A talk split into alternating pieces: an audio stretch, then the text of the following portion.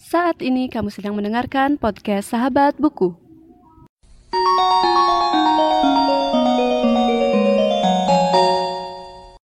Sebelum mendengarkan episode kali ini, jangan lupa follow podcast Sahabat Buku di Instagram di @podcastsahabatbuku.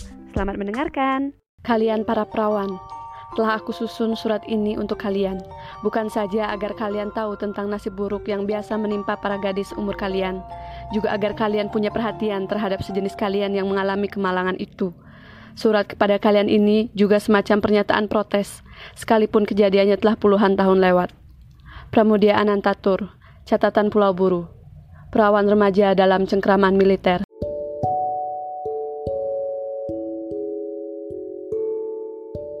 Halo semuanya dan selamat datang kembali di podcast Sahabat Buku.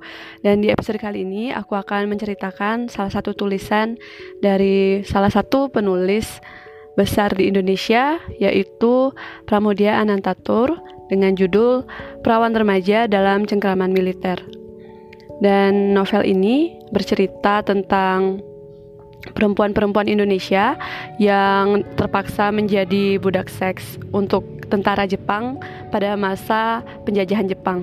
Novel ini diterbitkan oleh Kepustakaan Populer Gramedia atau KPG dan juga aku bakal cerita sedikit tentang novel ini.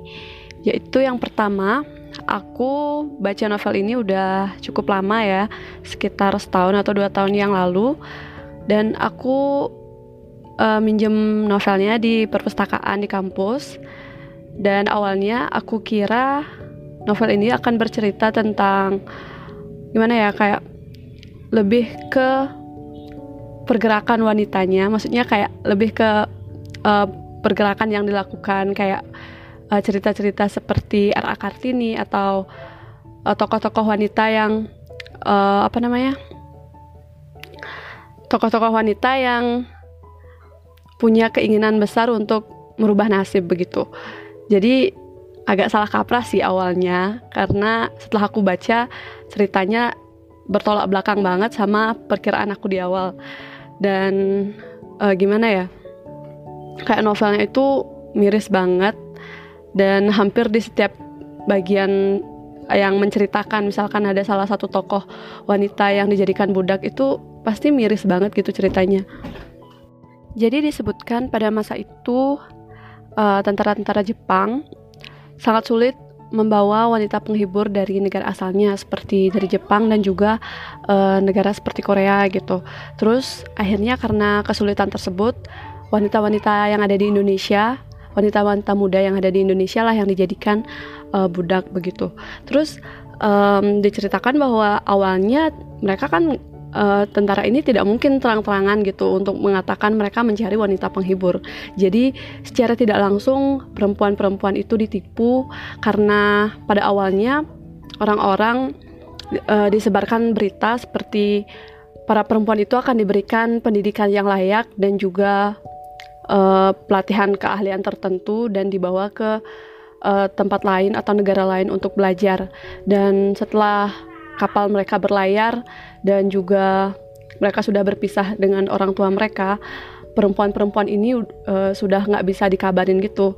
Dan ya mereka secara tidak langsung bisa dibilang menghilang gitu. Dan uh, setelah itu ada beberapa tokoh yang diceritakan uh, ingin melarikan diri tapi sangat tidak mungkin untuk melakukan itu karena penjagaannya sangat ketat.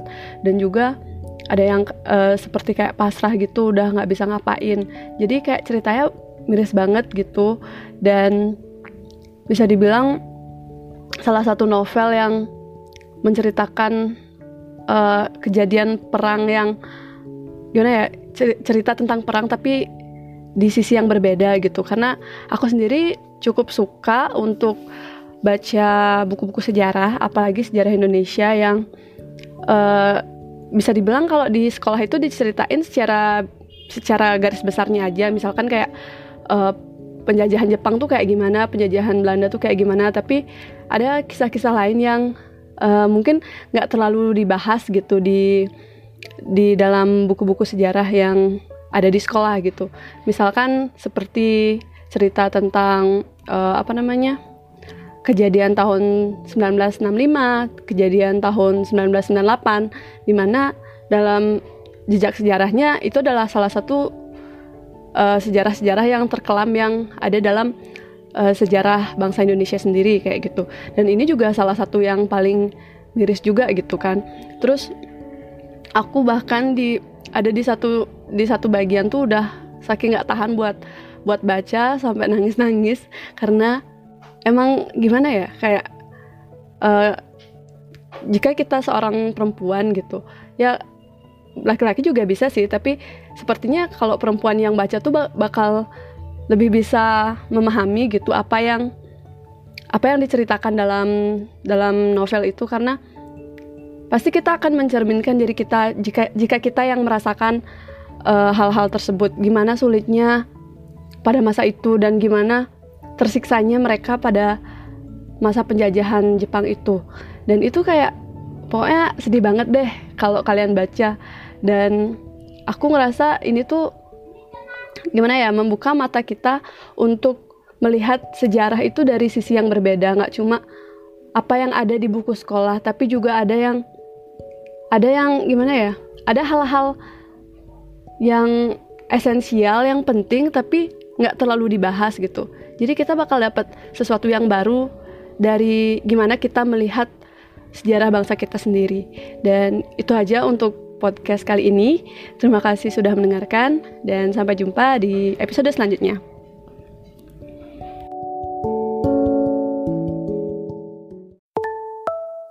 Terima kasih sudah mendengarkan podcast Sahabat Buku. Bagi pengguna Spotify, jangan lupa follow. Dan pengguna Apple Podcast, jangan lupa subscribe supaya bisa mendengarkan semua episode baru dari podcast Sahabat Buku. See you in the next episode.